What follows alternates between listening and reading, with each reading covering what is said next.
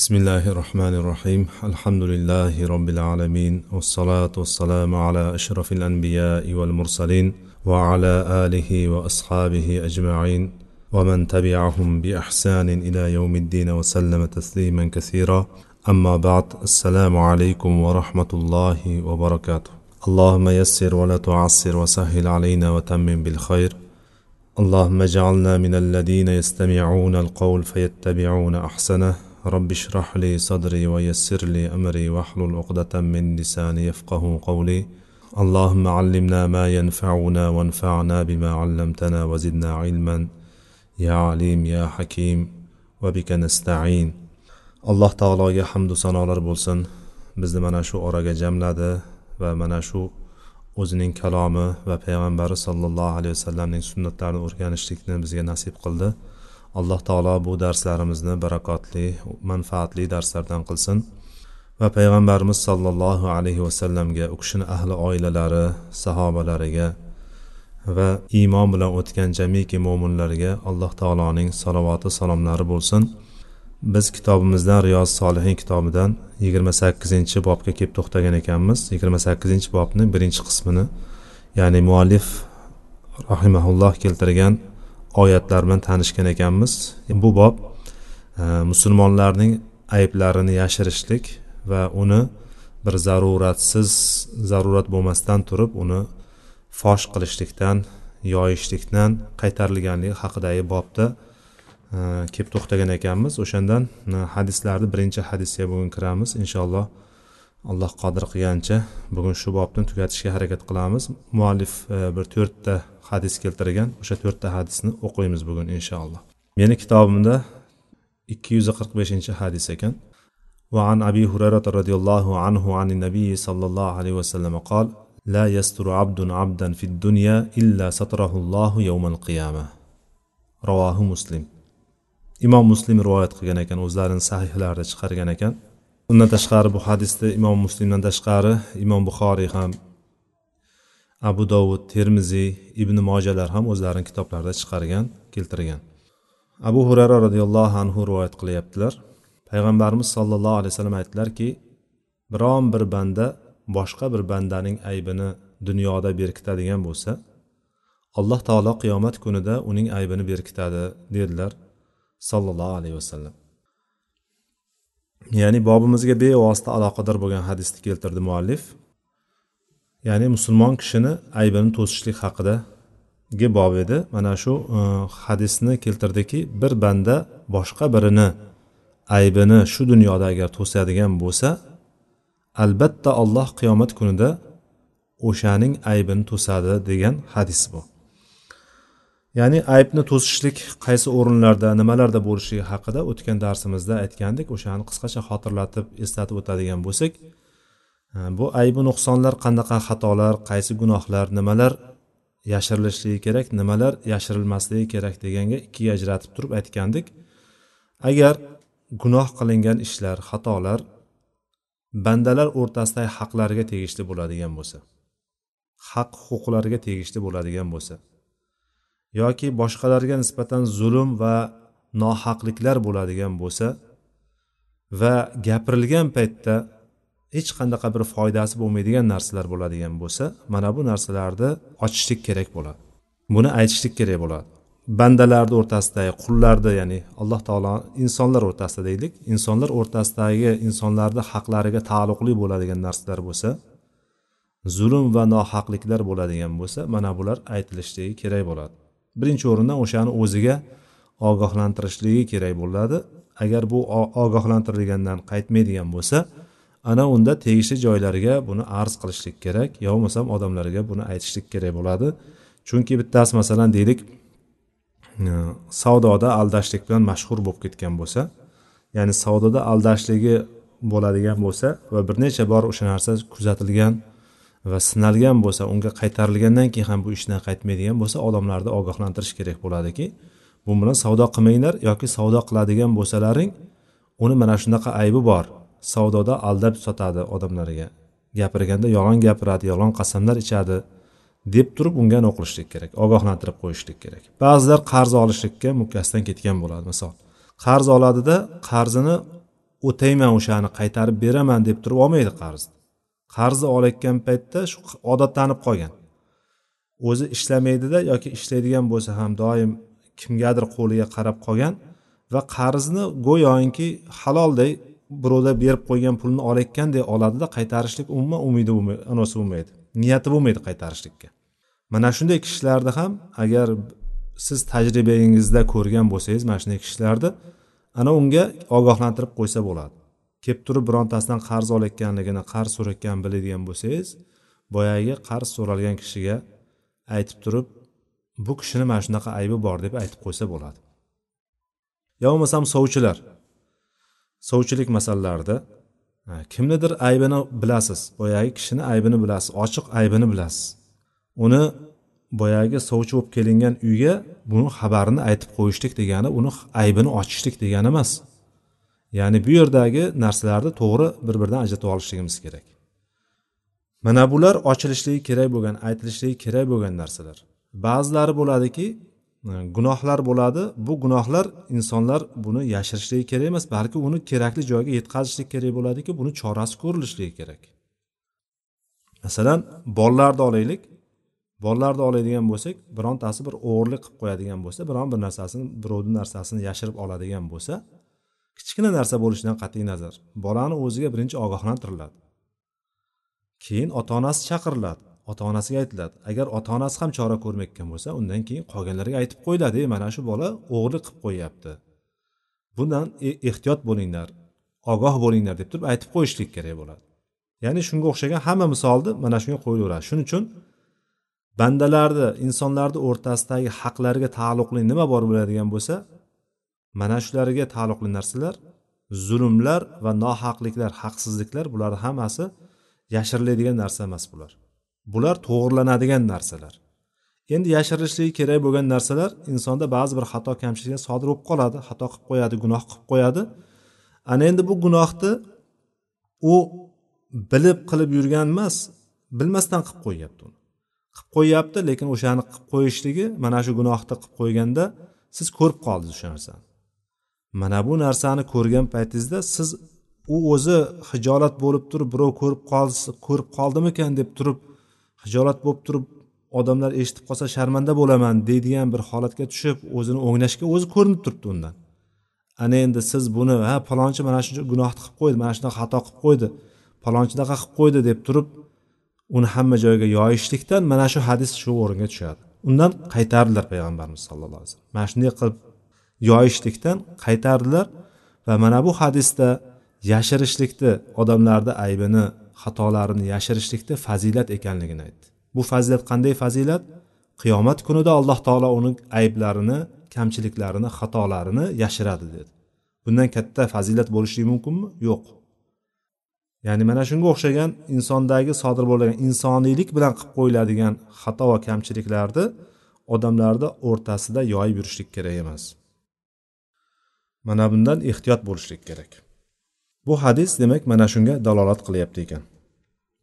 Undan keyingi hadis va anhu qol bu hadisni ham abu hurara roziyallohu anhu rivoyat qilyapti aytyaptilarki samiatu rasululloh sollallohu alayhi vasallam yaqul kullu ummati muafan illa mujahidin va inna min al mujaharati an ya'mal ar-rajulu bil-layli 'amalan thumma wa qad satarahu Allahu alayhi fayaqul يا فلان عملت البارحة كذا وكذا وقد بات يستره ربه ويصبح يكشف ستر الله muttafaqun alayhi hadis abu hurayra aytyaptiki men rasululloh sollallohu alayhi vasallamni mana shunday deganlarini eshitgandim aytdilarki payg'ambarimiz ummatimdan hammasi kulli ummati ummatimdan har biri muafan kechirilgandir af qilingandir ya'ni xato va kamchiliklari afv qilingandir hammasini Katta gunohlar emas xatolari kechirilgandir. Hozir ko'ramiz buni. Qaysi xatolar kechirilgan? Illa illal mujahirin faqatgina oshkor qiluvchilar. Mujahir deyapti bu yerda. Jaharo degani jahriy qilishlik ya'ni ochiqchasiga qilishlik yoki bo'lmasam oshkora qilishlik yoki aytib qo'yishlik deb turib tarjima qilsak ham bo'ladi. O'shanday kishilargina oshkor qiluvchi kishilargina bundan mustasnodir dedilar. Bu ochiq qilib qo'yishlik shunaqa narsaki o'shani jumlasiga kiradiki ya'ni oshkor qilib qo'yishlik jumlasiga shu narsa kiradiki kishi kechqurun bir ishni qiladi bir amalni qiladi. Demak o'sha amal xato amal gunoh amal. O'sha amalni qilib qo'yadida so'ngra tong otganda alloh taolo uni yashirib qo'ygan bo'ladi aslida. Alloh taolo uni yashirgan holatida u aytadiki ey falonchi men kecha kechqurun shunday qildim bunday qildim deb turib qilgan narsani aytib beradi mana shu narsa mujaharoga kiradi dedilar. Ya'ni mujaharo degani oshkor qilishlikka kiradi mana shu deb turib payg'ambarimiz aytdilar. Holbuki vaqad bata yasturuhu robbuh holbuki u kechqurun yotgan paytda alloh taolo o'sha kechada uni gunohlarini mana shu qilgan ishini alloh taolo yashirib qo'ygandi. Va yusbihu yakshifu sitralloh. U tong otganda esa alloh taoloni yashirgan yashirib qo'ygan narsasini pardasini ochib yubordi ochib yuborgan holatda tongga yetdi tong ottirdi deb turib payg'ambarimiz sollallohu alayhi vasallam aytdilar. Mana bundan ko'rinyaptiki demak hadisda inson bir gunohni qiladigan bo'lsa xatoni qilib qo'yadigan bo'lsa odamlar ko'rmaydigan joyda bo'ladigan bo'lsa alloh taolo uni yashirib qo'yadi. Qiyomat kunida ham alloh taolo bandasi bilan bevosita har bir banda bilan o'rtada hech qanaqa tarjimon bo'lmagan holatda bevosita gaplashadi. Va unga palonchi gunohlarni qilganmisan palonchi ishni qilganmisan falon paytda shunday qilganmisan desa bola boyagi banda hammasini tan oladi. Bitta qolmay hammasini tan oladi. Banda o'ylaydiki endi falonchilar ham o'rtaga chiqsa kerak ho boshqa gunoh qilganlarim ham ular ham o'rtaga chiqsa kerak. Agar bular o'rtaga chiqqan bo'lsa men halok bo'ldim deydi. Meni bo'lganim bo'ldi ishim bitdi deb o'ylaydi. Lekin alloh taolo uni hammasini kechirib yuboradi. O'zini rahmati bilan alloh taolo kechirib yuboradida bandasini jannatga kirgizib yuboradi. Ya'ni alloh taoloni marhamati juda kengligini ko'ryapmiz bu yerda. Lekin mana shunday kishilardan bitta toifa. Bir toifa insonlar. Hozir hozirgi kunda oladigan bo'lsak insonlarni aksariyati alloh rahm qilganlar alloh o'zi saqlab qo'ygan kishilar bundan mustasno. Aksariyat kishilar nima bo'lyapti? Oshkor qilib qo'yib turib gunohlarini ochiqchasiga aytib qo'yib turib kechirilmaydigan af qilinmaydiganlar toifasiga kirib olyapti. Bundan mujahirin dedi illal mujahirin ummatimdan faqatgina oshkor qiluvchilardan tashqarisi tashqarilari oshkor qiluvchilardan tashqarilari ummatimdan hammasi kechirilgan dedilar. Shundan oshkor qilishlik qanday bo'ladi? Oshkor qilishlik degani birinchisi gunohlarni ochiqchasiga qiluvchi kishi. Gunohlarni ochiqchasiga gunoh va ma'siyatlarni ochiqchasiga qilishlik bu oshkor ochiqchasiga qilishlik. Buni ya'ni odamlar ko'rishligidan emas umumiy olganda. Shuning uchun payg'ambarimiz sallallohu alayhi vasallam minal mujahara dedilar. Minal mujahara degani oshkor qilishlik jumlasidan mana shu deb turib hozirgi misolni keltirdi payg'ambarimiz sallallohu alayhi vasallam. Ya'ni ko'pchilikka e, maxfiy bo'lib turgan narsani keltirdi. Lekin bu oshkor bo'lib turgani hammaga oshkor narsa bo'lganligi uchun payg'ambarimiz sallallohu alayhi vasallam buni misol qilib o'tirmadilar. Biz aytyapmizki shuning uchun bu oshkor gunohlarni hammani oldida odamlarni ko'zini o'ngida hamma ko'rib turgan paytda ham gunohlarni qilaveradigan kishilar bular oshkor qilishlik qilinuvchi kishilar alloh taolo bularni gunohini kechirmaydi. Ya'ni ya'ni umumiy kechirib yubormaydi. Albatta bunga tavba lozim. Chunki bu kishi birinchi o'rinda o'zini o'ziga o'zini do'zaxga qarab turib sudrab boryapti. Ikkinchidan atrofdagilarni do'zaxga tortmoqchi bo'lyapti. O'zini o'zi do'zaxga tortayotganligi jahannamga qarab turib tortayotganligi allohga va rasuliga osiy bo'lyapti u. Gunoh ishni ochiqchasiga qilyapti. Mensimasdan qilyapti o'sha gunohni. Bu bilan faqat o'ziga zulm qilyapti. Bu zulmni alloh taolo aytadiki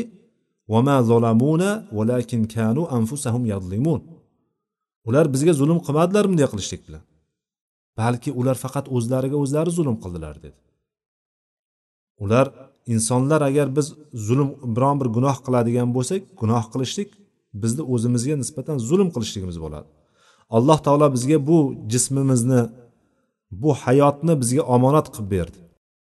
Omonat qilib bergandan keyin bu omonatni o'z o'rnida qo'llashligimiz kerak. To'g'ri yo'lga sarflashligimiz kerak. Agar to'g'ri yo'lga sarflamaydigan to'g'ri yo'lga olib bormaydigan solih amallarni qilmaydigan bo'lsak biz o'zimizga zulm qilayotgan bo'lamiz. Zulm qilishlik bilan zulumatul yovmal qiyama. Shu dunyoda qilingan zulmlar qiyomat kunida qorong'uliklar shunaqa og'ir kunlarni boshga soladigan narsa hisoblanadi. Endi boshqani shunga yetaklashlik deydigan bo'lsa odamlarni yonida gunohlarni qiladigan bo'lsa insonni tabiati gunohga qarab turib yurishlik gunohga qarab turib intilishlik tabiati bilan ber qilingan yaratilgan. Shuning uchun alloh taolo bularga har bittasiga bir chegara qo'yib qo'ydiki mana bu ishni qilmagin mana bu ishni qilmagin deb ko'rsatib qo'yildi. Lekin jahannamda atrofi nafs xohlagan butun narsalar bilan o'rab qo'yildi dedi. Ya'ni nafsimiz xohlagan hamma narsani agar qilib ketaveradigan bo'lsak alloh saqlasin do'zaxni do'zaxni atrofidan chiqib qolamiz. Do'zaxni yonidan chiqib qolamiz qirg'og'idan chiqib qolamiz. Nafs shunga qarab turib intiladigan qilib qo'yildi. Gunohni qilayotgan kishi boshqalarni ko'zini oldida qilayotgan bo'lsa mana buni ko'rgan kishilar bularni ham qilgisi keladigan bo'ladi. Shuning uchun boyagi ilm berilgan mol berilgan. Bu kishi eng yaxshi manzilatda bo'ladi. Molini chunki ilm berilgani uchun shar'iy ilmlar alloh taoloni tanishlik ilmi berilganligi uchun bu il, molini to'g'ri yo'lga sarflaydi. Ikkinchisiga ilm berilganiku mol berilmagan. Bu ilm berilgan kishi orzu qiladi boyagi kishidek bo'lishlikni solih kishidek bo'lishlikni solih badavlat kishidek bo'lishni xohlaydi alloh taolo unga o'sha ajrni beradi. Yana bir kishi bor. Ilm berilmagan mol dunyo berilgan. U mol dunyoni butun olloh xohlamagan gunoh yo'llariga sarflaydi. O'sha yo'llarda ishlatadi. Buni ko'rgan ilmsiz kishi yana to'rtinchi toifa bo'lyapti ilmsiz kishi bor. Mol ham berilmagan lekin ilm ham berilmagan. Shariatdan umuman xabari yo'q. Bu ko'radida boyagi solih kishini ishiga qarab turib intilmaydi. Boy solih kishini ishiga qarab intilmaydi. Balki butun mol dunyosini butun xohishlariga maishatlariga ishlatib turgan odamga qarab turib havas qiladi. Odamlarga yordam qilgan yetim yesirlarni kiyintirib yedirgan masjidlar qurib yo'llar qilgan kishiga u havas qilmaydi. Havas qilishligi kimga bo'lyapti? Havasi boyagi butun mashinayu uy joylarni dang'illama qurib xohlagan joyda yurib xohlagan narsasini ichib xohlagan ayol bilan yurgan kishiga qarab turib nima qilyapti u? Intilyapti o'shani havas qilyapti. Buni ham manzilati boyagi bilan bir xil bo'ladi. Boyagi gunohlarni qilib yurgan imkoni bor gunohlarni qilib yurgan odam bilan bu orzu qilib turgan odamni ikkalasini gunohi bir xil bo'lib qoladi. Ya'ni demoqchi bo'lganim insonlarni holati shundayki gunoh ishlariga qarab turib intiluvchan qilib qo'yildi. Bizni faqatgina iymon alloh taoloni kalomi va rasululloh sollallohu alayhi vasallam sunnatlari bizni ushlab turadi. Bo'lmasam insonni butun tabiati innal insana layatg'o inson zoti borki inson degan e, nomga loyiq bo'lgan ya'ni inson degan nomni o'zida tashigan odamlar borki ko'tarib yurgan odamlar borki bularni hammasi tug'yonga ketadi haddidan oshadi. O'zini qachon behojat sanab qolgan paytda. Qo'liga bir ozgina pul tushib qoladigan bo'lsa birpasda harom ishlarga qarab turib ketadigan bo'lib qoladi. Mana shuning uchun boyagi kishi gunohni oshkor qilayotgan kishi birinchidan o'zini do'zaxga qarab turib olib ketayotgan bo'lsa ikkinchidan qolganlarni ham o'shanga tortyaptiki shuning uchun alloh taolo qur'onda oli fir'avn ya'ni fir'avn xonadoni fir'avnni odamlari haqida gapirgan paytda وجعلناهم أئمة يدعون إلى النار ويوم القيامة لا ينصرون وجعلناهم أئمة يدعون إلى النار bo'lyapti ularni deyapti biz do'zaxga chaqiruvchi imomlar qildik deyapti alloh taolo gunoh qilib turib butun maishatlarida o'zini xohishlarida yurgan odamlarni do'zaxga chaqiruvchi boshliqlar rahbarlar qilib qo'ydik deyapti alloh taolo Demak gunohni odamlarni o'rtasida oshkor qiluvchi kishi mana shu toifaga kirib qoladi alloh saqlasin bundan. Payg'ambarimiz sollallohu alayhi vasallamdan keyin hadisda ham man sanna fil islami sunnatan sayyiatan fa alayhi vizruha va vizru man amila biha ila yawmil qiyama. Bu hadisni oldingi boblarda o'tganmiz aslida oldingi bo'limlarda e, yaxshi va yomon odat qoldirishlik o'zidan keyingi o'shani qoldirsa nima bo'ladi? O'shani yaxshi ish qoldiradigan bo'lsa o'shani qiluvchilarni savobi unga yetib turadi yomon ishlar qiladigan bo'lsa buni ham gunohlari o'shanga yetib turadi birinchi qilgan odamga degan o'sha bo'limdagi hadis o'sha bo'limda kelgan hadisni yana bu yerda eslashimiz mumkin bo'ladiki kim bir islomda ya'ni musulmonlar jamiyatida kim bir gunoh ishni qiladigan bo'lsa gunoh ishni yo'lga qo'yadigan bo'lsa uning gunohi birinchi o'ziga bo'ladi. O'sha qilgan gunohini gunoh ishni gunohi o'ziga bo'ladi. Buni oldi birinchi. Qanaqa qancha miqdorda gunoh bo'ladigan bo'lsa o'shani birinchi bo'yniga oldi o'shanga yuklandi. U ham yetmadi. Va vizru man amila biha ila yawmil qiyama qiyomatgacha kim mana shu yomon ishni qilib davom ettiradigan bo'lsa o'shani gunohi o'shalarni gunohi hech qanday kamaytirilmasdan bunga ham yuklanib turaveradi. Endi birinchi marta gunoh qilgan kishini ahvolini bir tasavvur qilsak inson qo'rqib ketadi. Ya'ni birovlar qilgan gunohni ham o'ziga olyapti. Sababi nimaga? Chunki bu o'sha yomon ishni gunoh amalni boshlab berganligi uchun. Zolimlarni ishi ham xuddi shunday. Zolimlar ham bir zulmni yo'lga qo'yib o'sha zulmni boshlab bergan bo'lsa orqasidan davom ettiruvchilar bo'ladigan bo'lsa birinchi zolim undan keyingi qancha zolimlar o'rniga kelib turib davom ettirsa xuddi o'sha gunohlarni hammasini bo'yniga olaveradi. Yotgan joyida zulmlar uni ustiga minib yotaveradi. Qabrda yotgandiru balki. Qabrda yotgan bo'lsa ham undan keyingi davomchilari buni davomini ettirib turgan bo'lsa uni gunohlari hammasi qolganlarniki bunga borib tushaveradi o'shanga. Bu yerda ham demak boshqalarni ham gunohga chaqirishlikda mana shu narsa juda katta e'tiborli lekin payg'ambarimiz sollallohu alayhi vasallam urg'uni bunga qaratmadilar hadisda. Chunki bu oshkor hamma biladi bu narsani. Odamlar o'rtasida ochiq gunoh qiluvchilarni jazosiz qolmasligini hamma biladi. Lekin ikkinchi bir kishilar toifasi bor. Ikkinchi bir kishilar toifasi gunohlarni qiladida lekin buni odamlar ko'rmaydi. Odamlar ko'rmagan joyda bir gunoh qilib qo'yadi inson. Ya'ni doimiy qiladigan gunoh haqida gap ketmayapti buni ham yaxshilab bilib olaylik. Inson bir gunohni davomli suratda qilayotgan bo'lsa demak u kichkina gunoh hisoblanmaydi. Kichkina gunoh davomli bo'lishligi bilan u bilib turib qilyaptimi shuni? Demak bu narsa katta gunoh hisoblanadi. Gunohni katta kichikligiga emas kimga qilinayotganligiga e'tibor qilinadi aslida. Biz gunohni kimga qilyapmiz? Robbul alaminga. Olamlar robbiga bizni yaratgan alloh taologa gunoh qilyapti. O'shani demak davomli suratda qilib turishlik bu yerda bundan mustasno. Ya'ni hamma narsa shunga kirib ketadi ekan degan biz hadisni bitta hadisni o'qiydigan bo'lsak faqat shu hadis bilangina olib amal qilib ketishlik emas o'shanga taalluqli bo'lgan butun atroflicha qarashligimiz kerak bo'ladi.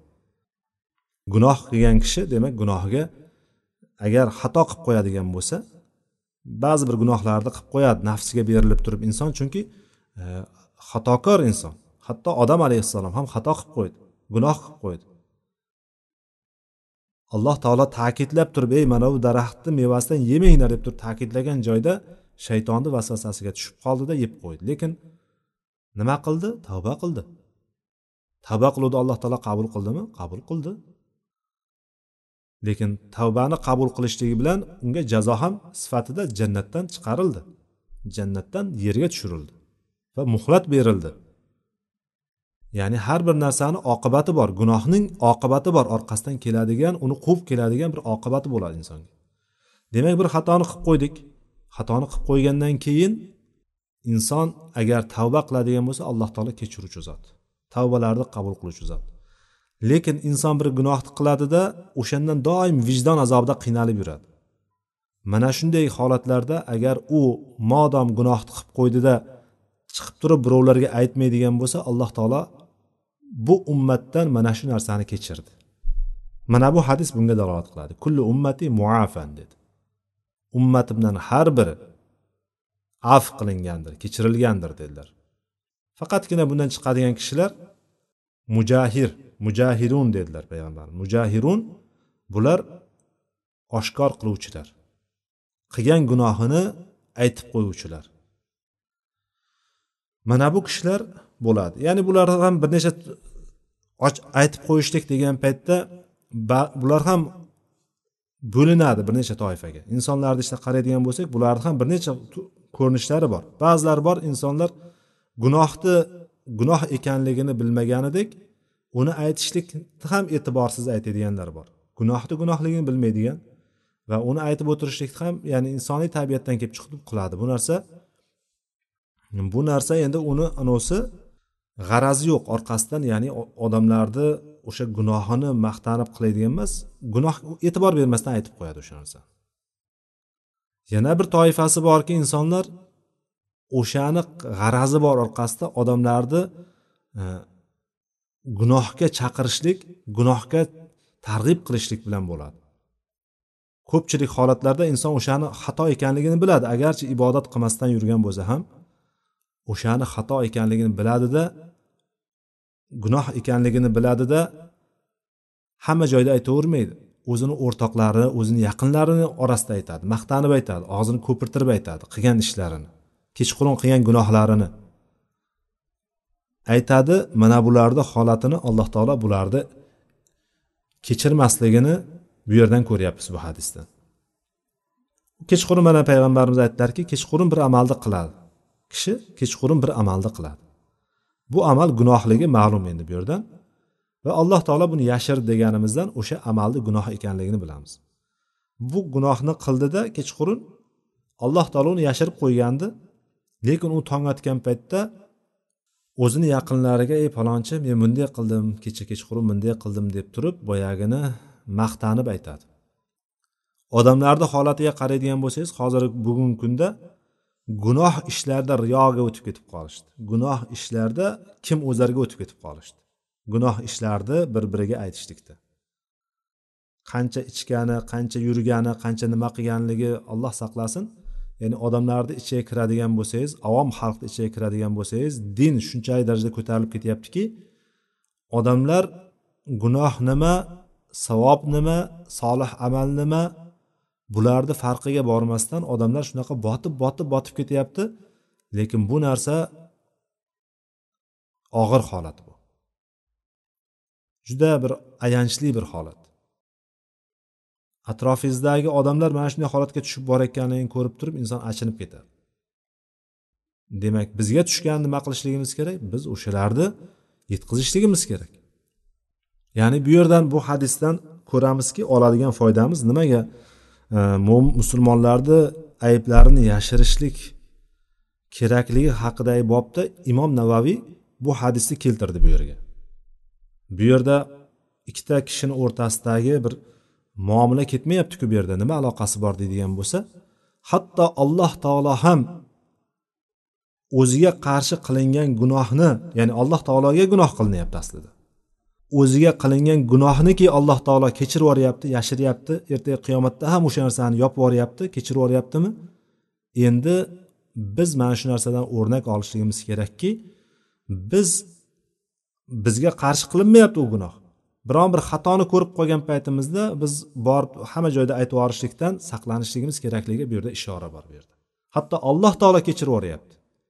Agar banda o'shani oshkor qilib turib hamma joyda aytmaganda edi birontasiga aytmaganda edi alloh taolo buni kechirib yuborgan bo'lyapti. Alloh taoloni marhamatidan biz demak undan marhamatli bo'lishlikni o'rganishligimiz kerak. Birovni aybini yashirish alloh taolo shunday yashirib yuboryaptiki umuman aytmayapti bandani yuziga ham solmayapti qiyomat kunida. Ey olloh meni gunoh mana shunaqa gunohlarim bor edi desa men seni dunyoda yashirib qo'yganmidim. Qiyomat kuni ham o'sha kunda ham bu kun ham yashirdim deydi alloh taolo. O'sha kunda sen seni yashirganmidim. Hech kim ko'rmadi. Odamlarni o'rtasida sharmanda bo'lmadingmi? Bugun ham sharmanda qilmayman. Kir jannatimga deb turib alloh taolo jannatga kirgizib yuboryapti demak biz mana shu narsadan o'rnak olishligimiz kerak. Lekin mana bu holatda oshkor qilib qo'yadigan odamlar aytib qo'yadigan odamlar e, mana shu narsadan o'zlariga xulosa qilish kerak ekanki o'zimiz ham xulosa qilishimiz kerak ekanki biron bir xato qilib qo'yadigan bo'lsak biron bir ish qilib qo'yadigan bo'lsak kimgadir o'sha narsani aytib qo'yishligimiz bilan o'sha gunoh demak kechirilgan ya'ni alloh taolo yashirib qo'ygan joydan chiqadi ekan. Ya'ni o'ziz ochib qo'yasiz. O'ziz yashirilgan pardani ochib ko'rsatasiz. Hadisdagi avratil muslimin deb kelgan joyda avratlarini musulmonlarning avratlarini satr qilishlik degan bobga qaytadigan bo'lsak alloh taolo sizni avratingizni to'sib turganda siz o'zingizni avratingizni ochib ko'rsatishlik ya'ni sharmandalik holatga tushishligingiz degani bu. Mana shuning uchun mana bu narsaga biz e, e'tibor qilishligimiz agar bironta bir o'zimizni yaqinlarimizdan kimdir yo bo'lmasam taniganlarimizdan kimdir mana shu holatga tushib turib qilayotgan gunohini aytib qo'yayotgan bo'lsa o'shanga biz to'xtatishligimiz kerakda. Aytma bu narsani to'xta tur. aytmasang yaxshi bo'ladi o'zing uchun deb turib tushuntirib qo'yishligimizda demak mana bu hadisdan olgan foydamiz bo'ladi ekan undan keyingi hadisda va anhu anin nabiy sallallohu alayhi vasallam qol bu hadisni ham yana abu hurayra roziyallohu anhu rivoyat qilyapti aytdilarki payg'ambarimiz sollallohu alayhi vasallam إذا زنت الأمة فتبين زناها فليجلدها الحد ولا يثرب عليها ثم إن زانت الثانية فليجلدها الحد ولا يثرب عليها ثم إن زنت الثالثة فليبيعها ولو بحبل من شعر متفق عليه حديث aytdilarki agar bir joriya ya'ni joriyani bilamiz qulni ayol ayol qulda ya'ni kimni bir quli e, zino qilib qo'yadigan bo'lsa va o'sha qilgan zinosi aniq bo'ladigan bo'lsa ya'ni qilgan zinosi ochilib ochiladigan bo'lsa sobit bo'ladigan bo'lsa bu narsa nima bilan bo'ladi? Bu narsa homila qorinda homila paydo bo'lishligi bilan homilasi bilinib qolsa. Demak u qayerdan bo'lgan? Zinodan bo'lgan. Hech kim unga yaqin kelmagandan keyin qorinda homila bo'lib qoladigan bo'lsa birinchi bildiradigan narsa. Yo bo'lmasam kelib turib o'zi aytadi men shu narsani qildim deb turib. Yo bo'lmasam ko'z bilan ko'rib qoladi zino qilganini cho'risini ko'rib qoladi. Mana shunday holatlarda agar o'sha aniq bo'ladigan bo'lsa fal yajdid hal had unga had ursin dedilar. Unga had ursin darra ursin dedi. Yani had ursin degani haddini qo'llasin degani bu yerda fal yajdid hal had degani had ursin darra ursin dedilar payg'ambarimiz sallallohu alayhi vasallam lekin dedi uni e, qilgan ishini aybi yuziga solib turib uni koyimasin ayblamasin dedilar. Keyin agar yana ikkinchi marta zino qiladigan bo'lsa yana unga darrasini ursin va uni ayblamasin urushmasin uni haqoratlar qilmasin dedi. Agar uchinchi marta zino qiladigan bo'lsa ana unda uni agarchi bir qildan to'qilgan ip bo'ladigan bo'lsa ham qildan qilingan ip yoki bir arqon bo'ladigan bo'lsa ham o'shancha narsaga bo'lsa ham sotib yuborsin uni dedilar. Arzimagan pulga bo'lsa ham sotib yuborsin dedilar. Muttafaqun alayhi hadis. Imom navoiy bu hadisni qo'ydi bu yerga. Ya'ni bundan musulmon kishilarni aybini to'sishlik uni oshkor qilmaslik degan bobga qanday aloqasi bor degan savolga mana shu hadisdan javob topsak qayerdan bo'lar ekan? Ya'ni bir joriyasi zino qilib qo'ydi. Agar o'sha zino qilganligi aniq o'rtaga chiqadigan bo'lsa unga jalda ursin dedilar. Jalda ya'ni darra ursin dedilar. Payg'ambarimiz sallallohu alayhi vasallam sohibiga aytyapti buni. Ya'ni xo'jayiniga aytyapti.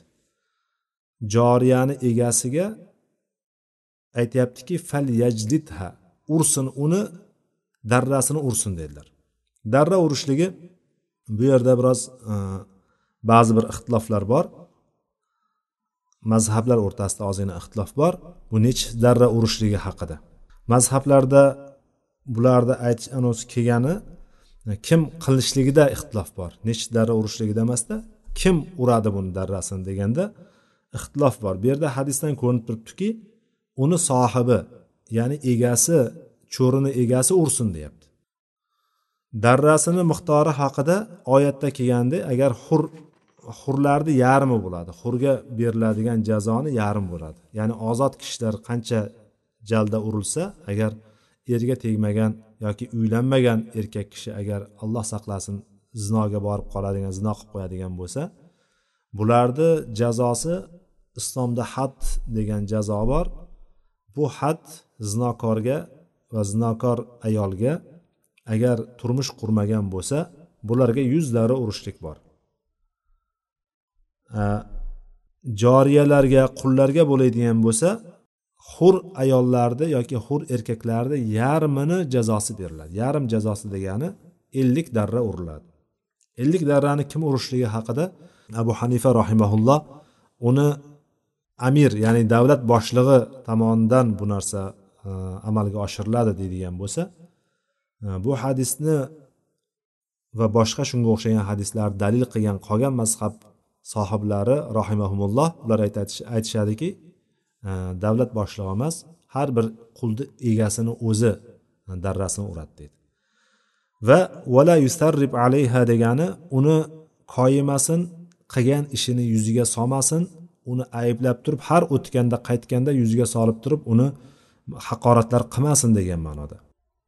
Mana shuni sharmanda qilmasin degan. Mana shu joyi allohu alam mana shu fal yajdid hal had vala yusarrib alayha degan qismi ya'ni uni egasi darrasini ursinda uni ayblamasin degan qismi mana shu bobga taalluqli joyi bo'ladi. Ya'ni uni odamlarni o'rtasida sharmanda qilmaydi va tashqariga olib chiqib turib jalda urmaydi unga. Ya'ni o'zini xonadonida bo'layotgan ish xonadonida bitadi. Mana shu taraflama uni qilib qo'ygan xatosini joriyani qilib qo'ygan xatosini e, egasi buni ta'zirini beryapti. Islomdagi had jazosini o'tayapti. Va had jazosi qilingandan keyin bo'ldi u qilgan ishiga yarasha jazoni oldi. Endi bir og'iz gap ham unga ortiqcha. Agar bir og'iz gap unga qo'shadigan bo'lsangiz siz demak haddan oshgan bo'lasiz. Chunki had belgilab qo'yildi. Alloh taolo ellik dalla urishlikni aytdi. Ellik darra urib orqasidan uni yana koyib so'kib uni ayblab har o'tganda turqing qursin yoki boshqa deb turib uni turtib o'tib sen shunaqa qilding deb turib aytishlik bilan biz unga zulm qilgan bo'lamiz.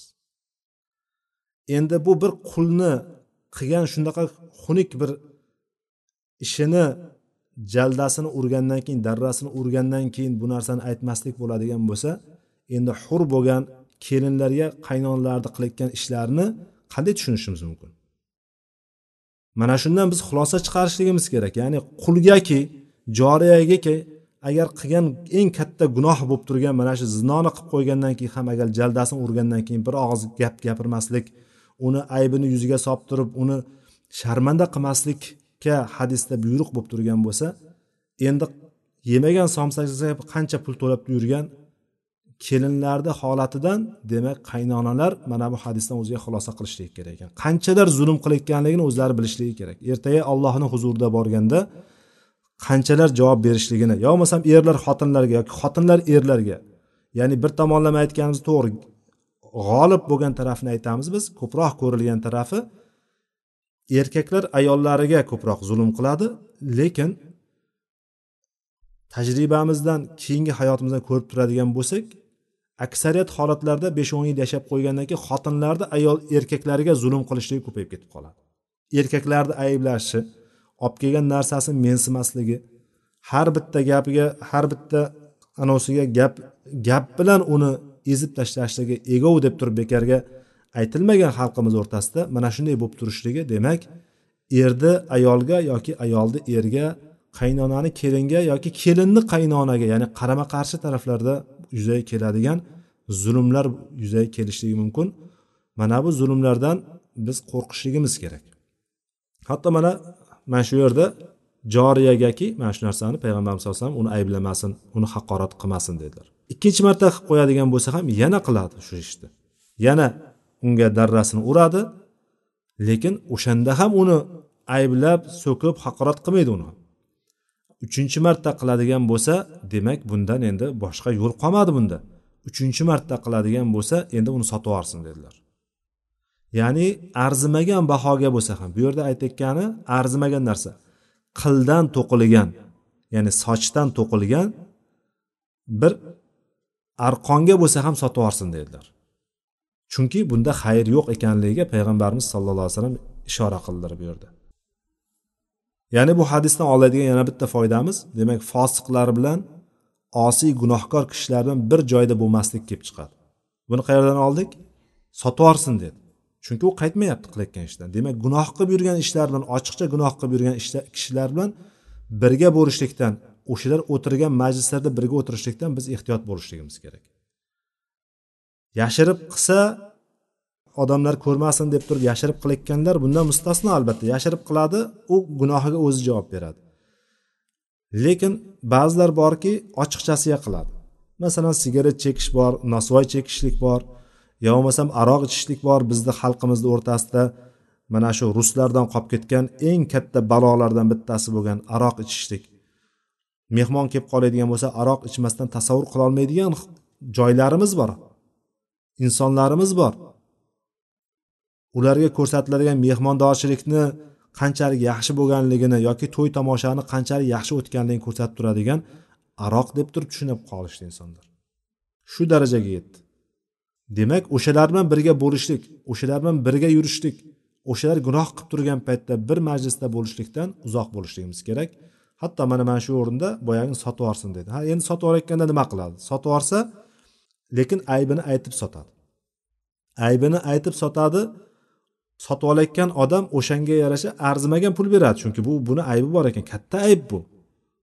Cho'risi birov bilan zino qilib qo'yadigan bir shunaqa bir qusuri bo'ladigan bo'lsa eng katta aybi hisoblanadi cho'rini mana shuning uchun arzimagan pulga bo'lsa ham sotib yuborsin dedi lekin aytib sotgandan keyin mana shunaqa arzimagan pul berishadi.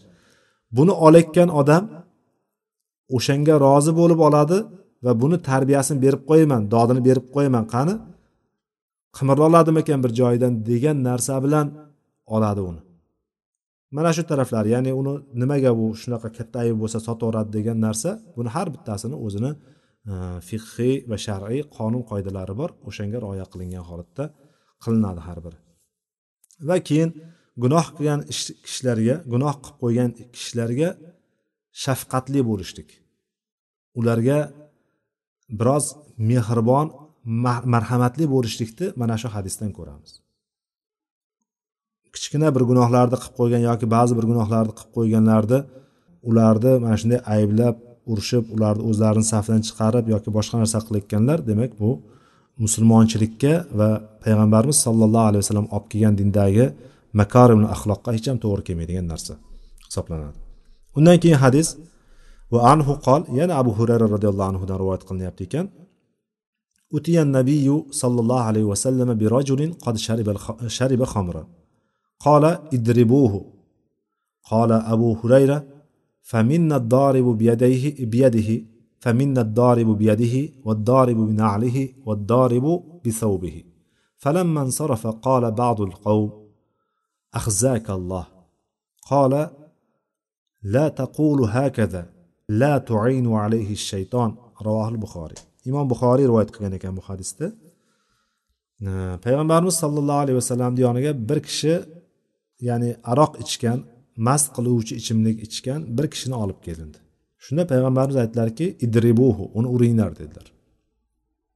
Abu hurayra aytyaptiki bizni ichimizda qo'li bilan urgan ham bor edi oyoq kiyimini yechib oyoq kiyim bilan urganlar bor edi va kiyimi bilan urganlar bor edi. Kiyimini bir uchi bilan urganlar ham bor edi. Keyin boyagi hamma urib bo'lgandan keyin falamman sarafa boyagi odam ya'ni aroq ichgan odam ketayotganda qaytib burilib ketayotgandi qavmni ichida bir kishi aytdiki ahzakalloh alloh seni sharmanda qilsin alloh seni xor qilsin dedi. Shunda payg'ambarimiz aytdilarki la taqulu hakada bunday demanglar dedilar. La tuinu alayhi shayton uni zarariga shaytonga yordam bermanglar dedilar. Boshqa rivoyatlarda shaytonga birodarlaringni zarariga shaytonga yordamchi bo'lmanglar deganlar. Ya'ni shunga o'xshagan bir qancha rivoyatlar keladi. Shunda demak bu hadisdan ko'ramizki aroq ichgan bir kishi olib kelindi. Ya'ni mast kishi olib kelindi. Mast qiluvchi ichimliklar degan paytimizda ularni nomlarini hammasi ichiga kirib ketadi. Insonni aqlini oladigan aqlini ketqizadigan nima bo'ladigan bo'lsa hammasi mana shu xamir ichiga kirib ketadi mast qiluvchi ichimlik ichiga kirib ketadi. U xoh ichadigan bo'lsin xoh chekadigan bo'lsin. Xoh tomirdan jo'natadigan bo'lsin farqi yo'q. Insonni aqlini oladigan nimaiki bor bo'lsa o'shalarni hammasi shariatimizda harom. Ko'pi mast qiladigan narsani ozi ham harom hisoblanadi. Shariatimizdagi qonun mana shu. Ya'ni uni nomi boshqacha ekan gradusi past ekan. Yo bo'lmasam bu e, ichimlik emasku chekadi chekadiku yo bo'lmasam chekadi ham ichadi ham emas buni tomirdan jo'natadiku narkotiklar masalan. Deydigan bo'lsa bu yo'q.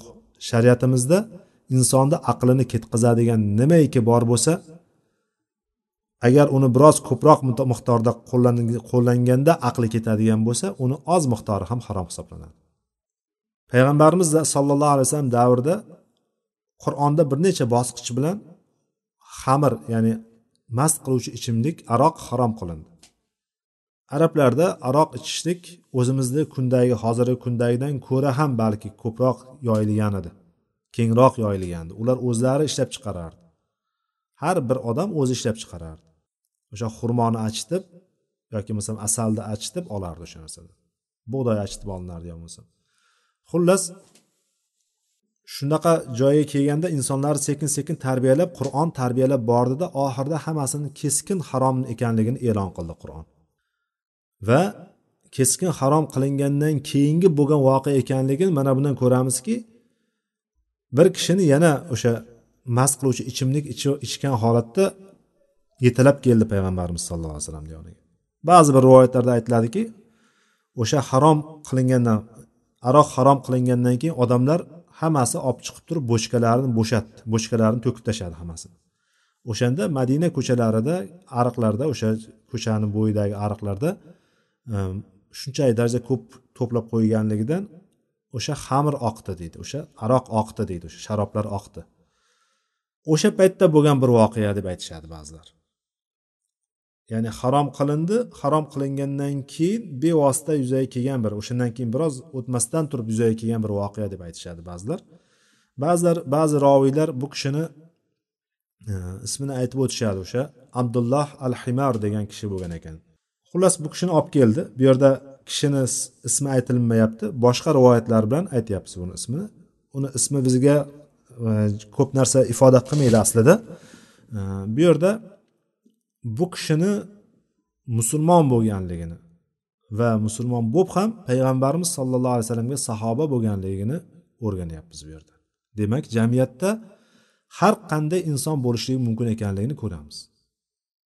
Musulmon bo'lib turib ibodatda bo'lib turib payg'ambarimiz bilan birga jihod qilib payg'ambarimiz bilan birga yonma yon yelkadosh bo'lib yurgan kishilarni ichida ham demak ba'zan inson o'zini nafsini kontrol qila olmaydigan nafsini jilovlay olmaydigan kishilar bo'lib qolishligi mumkin ekanligini ko'ryapmizki demak bu jamiyat inson jamiyati insonlar jamiyati. Hamma robot emas. Yo bo'lmasam inkubatordan chiqqan hammasi bir xil bo'lgan insonlar emas. Hammani bir xil qilib qo'ymadi alloh taolo. Alloh taolo agar xohlaganda hammalaringni hidoyatda qilib qo'ygan bo'lardi lekin alloh taolo buni xohlamadi. Demak insonlarni ichida mana shunday bo'lar ekan mana shu jamiyatda shunday bo'lgan paytda nima qilinadi? Mana bu narsalarni biz ko'ryapmiz bu yerda. Payg'ambarimiz sallallohu alayhi vasallam uni uringlar dedi. Uringlar degandan bu yerda bir e, muayyan bir had jazo qo'llanilmadi. Payg'ambarimiz davrida aroq ichganga muayyan bir had jazosi qo'llanilmadi. Darra urishlik haqida gap ketyapti. Va darra ham aytilmadi. Uni uringlar degan paytda abu hurayra aytyaptiki uni qo'li bilan urgan ham bo'ldi ichida. Oyoq kiyimi bilan urganlar bo'ldi. Ba'zi rivoyatlarda asosi bilan urganlar bo'ldi. Kiyimlari bilan urganlar bo'ldi. Xullas urildi. Chegarasi ham aytilmadi nima bilan urishlik ham aytilmadi. Mutloq qilib aytildi. Uringlar uni dedilar payg'ambarimiz. Sahobalar o'rtaga olib urishdi uni. Urgandan keyin boyagi odam ketayotgan paytda qavmni ichida bittasi uni la'natlab qo'ydi. Ya'ni badduo qildi. La'natlamadi. Ahzakalloh degani olloh seni xor qilsin sharmanda qilsin degani. Mana shunda payg'ambarimiz sollallohu alayhi vasallam bunday demanglar dedi. Ya'ni yuqoridagi hadisimizda aytganimizdek urildimi? Yetadi endi urilgandan keyin. Alloh taolo urushlik payg'ambar sallallohu alayhi vasallam orqali uni urushlikni joriy qildimi? Urilgandan keyin uni til bilan ozor berishlikka hech ham o'rin yo'q. Mana shu til bilan ozor berishlik degan qismimiz musulmonlarni ayblarini oshkor qilishlik bo'lgan hamma joyda fosh qilishlik bo'lgan qaytarilgan ekanligiga dalil bo'ladi bu o'rinda. Unga badduo qildi. Ba'zi rivoyatlarda allohimma lanhu dedi. Olloh ey olloh buni la'nat qilgin dedi. La'natlagin degan paytda payg'ambarimiz sallallohu alayhi vasallam buni qaytardilar. Shaytonga shaytonga yordam bermanglar dedilar. Birodarlaringni zarariga. Bu yerda alayhi deb keldi uning zarariga mana shu kishining zarariga shaytonga yordam bermanglar dedilar. Demak shaytonga yordam berishlik degani shayton shuni xohlayapti. Odamlarni o'rtasida fahsh fahsh ishlarni munkar ishlarni yoyilishini xohlaydi. Shaytonni xohlagan narsasini yuzaga chiqarmanglar yordam bermanglar dedilar payg'ambarimiz sallallohu alayhi vasallam. Demak birodarimizni aybini o'rtaga chiqarib yoyishlik bilan nima qilayotgan bo'lamiz? Shaytonga yordam berayotgan bo'lamiz. Birodarimiz zarariga shaytonga yordam berayotgan bo'lamiz. Eng katta agar bizga qarshi go'yoki biz musulmon kishiga nisbatan qalbimizda nafrat kin saqlashlikka saqlashligimiz kerak emas lekin qaysidir jihatda birodarimizni e, qiliqlari yoki harakati yoki xarakteri nimasidir jihatdan yoqtirmaydigan bo'lgan taqdirimizda ham u bizni dushmanimiz emas. U bizni dushmanimiz emas. Al muslimu ahul muslim. Musulmon musulmonning akasi ukasi opasi singlidir singlisidir. Kim bo'lishidan qat'iy nazar? Xarakteri yoqmaydimi? Rangi ro'yi yoqmaydimi? Kiyim yurish turishi turmush tutishi nimasi yoqmagan taqdirda musulmon biz o'sha kim bo'lishidan qat'iy nazar? O'sha bizni akamiz yo ukamiz yo opamiz yo singlimiz hisoblanadi. Endi mana shunday yaqinimizga yaqinimizga yordam bermasdan shaytonga ham yordam beramiz. Inna shaytona lakum aduvvum mubin deb turib shayton sizlarga ochiq oydin dushmandir deb qo'ygan o'sha shaytonga ham yordam beramiz. Mana shuni qiyosini o'zimiz olishimiz ya'ni mana shuni tarozisini o'zimiz qo'yishligimiz kerak. Shaytonga hargiz yordam bermasligimiz kerak. Birodarimizda qanchalik balki yomon ko'rib qolgan bo'lsak ham xarakterini qilig'ini sizga bir qandaydir zarar yetkazib qo'ygan bo'lishi mumkin g'iybat qilib qo'ygan bo'lishligi mumkin obro'yingizni to'kib qo'ygan bo'lishligi mumkin. Nima bo'lgan taqdirda ham bu musulmon birodaringiz payg'ambarimiz sallallohu alayhi vasallam bu gapni kimga aytdi? Ko'chada mast bo'lib yurgan odamga aytdi. O'shani olib kelib turganda aytgan gapiga aytdi. Yuqorida zino qilib qo'ygan joriyaga aytdi. Ya'ni bizni nazdimizda eng katta gunohlar sanalgan gunohlarga ularni qalbidagi iymon borligiga payg'ambarimiz sallallohu alayhi vasallam unga birodarlaringga deb keldi boshqa rivoyatda. Birodarlaringni zarariga shaytonga yordam bermanglar deb aytildi. Demak mo'min kishi xato gunoh qilib qo'yadigan bo'lsa iymondan chiqib qolmaydi. Kabira qilib qo'yadigan bo'lsa kabira bu gunohlar to'g'rimi? Aroq ichishlik yo bo'lmasam zino qilib qo'yishlik kabira. Lekin shunga qaramasdan payg'ambarimiz ularni birodarlaring dedi va ularni la'natlashlikdan va had joriy qilingandan tashqari biron bir so'z aytishlikdan payg'ambarimiz sallallohu alayhi vasallam qaytardilar. Bu narsa chunki mo'minlar ichida munkar ishlarni fohish ishlarni yomon ishlarni tarqalishligiga yoyilishligiga sabab bo'ladigan va bu bilan jamiyatni buzilishiga olib keladigan narsa bo'lganligi uchun payg'ambar sallallohu alayhi vasallam bundan qaytardilar. Nechi darra uriladi degan bobda bu haqda gapirilganda hozirgi kunda payg'ambarimiz sallallohu alayhi vasallam davrida aroq ichgan kishi agar mast holatda ushlanadigan bo'lsa aroq ichib turgan holatda mast holatda ushlanadigan bo'lsa bu kishiga payg'ambarimiz davrida hozirgiday urilgan lekin urilgan paytda darra emas. Odamlar qo'llar bilan ham urdi. Umumiy mutlaq bo'lgan. O'shanday davom etgan agar kim bo'ladigan bo'lsa. Abu bakr roziyallohu anhu davriga kelgan paytda bu qirq darraga bir xat qo'yiladi. Abu bakr qirq darraga urdiradi keyin. Lekin umar roziyallohu anhu davriga kelgan paytda katta katta joylar fath qilinib turib musulmonlar soni ko'paygandan keyin u yerda xohlagan ham musulmon bo'ldi. Ba'zilar musulmonlarni ko'payib ketganligiga qarab turib qalban emas tilida iymon keltirdi. Tili bilan musulmon bo'lib yurdida hozirgi kundagi tuyoq soniga o'xshaydi. Xuddi hamma musulmon bunday olib qaraydigan bo'lsangiz o'rta osiyoda hamma musulmon lekin musulmonlarni bunday sanab ko'radigan bo'lsangiz ibodat qiladigan alloh taniydigan musulmonlar sanab qoladigan bo'lsangiz o'ndan biri ham chiqmasa kerak allohu alam. Ya'ni xuddi shunday holat bo'lgan. Umar roziyallohu anhu davrida xuddi shunday bo'ldi. Oti musulmonu lekin qalbi musulmon bo'lmagan. Faqat otiga musulmon bo'lgan kishilar bo'lganligi uchun yana ko'paydi o'sha aroq ichishlik ko'paydi. Xuddi bizni hozirgi o'zbekistonimizni holatini oladigan bo'lsak qancha odam ichmaydigan odamni topishlik qiyin bo'lib qoladigan holatda hatto. Bunday butun bir qishloqni yoki bir e, katta bir mahallani chiqarib turib qani kim ichmaydi deydigan bo'lsangiz e, qo'l bilan sanasangiz qo'lingizni barmoqlari ortib qoladigan darajada odamlar qoldi ichmaydigan odamlar ya'ni. O'shaning uchun e, umar roziyallohu anhu boshqa buni biroz qattiqroq olishlikka qaror qildi. Va sahobalar bilan istishora qildi. Istishora qilgan paytda abdurahmon ibn af roziyallohu anhu taklifi bo'ldiki alloh taolo belgilagan hadlarni ichida eng yengili sakson darradir dedi. Sakson darra bo'lgan ekan shunday ekan dedi bunga ham sakson darra uraylik dedi. Ya'ni sakson darra kimga edi? Bu pok ayollarga nisbatan o'shalarni bular zino qilgan deb turib aytgan qazf deydi buni arab tilida. O'sha e, tuhmatni jazosi shunaqa edi sakson darra urishlik o'tgan darsimizda ham ifk hodisasida bo'lgan voqeani aytganimizda e, boyagi zaynab onamizni singlisi yoki opasini ham hamnani ham darra urilganligi yoki hasson ibn sobit yoki shu mana shularni aytgandik. Bularni hammasi sakson darradan urilgan degandik. Ya'ni dalilsiz guvohsiz kimnidir zino bilan ayblashlik zino qilganlikda ayblashlik benomuslikda ayblashlikni jazosi sakson darra urishlik. Eng yengili shu. Mana shunday qilaylik degandan keyin umar roziyallohu anhu bu qarorni oldilar va sakson darra urishlikni joriy qildilar. Mana shu bilan e, shu holat davom etib keldi. Hozirgi kunda ham ko'pchilik ulamolarni fikrida mana shu sakson darra urishlik qolgan. E, ba'zi bir e, mazhablarda masalan e, shofiy mazhabida bo'ladigan bo'lsa qirq darra urishlikni u kishilar e, u kishi masalan qirq darra urishlikni olgan.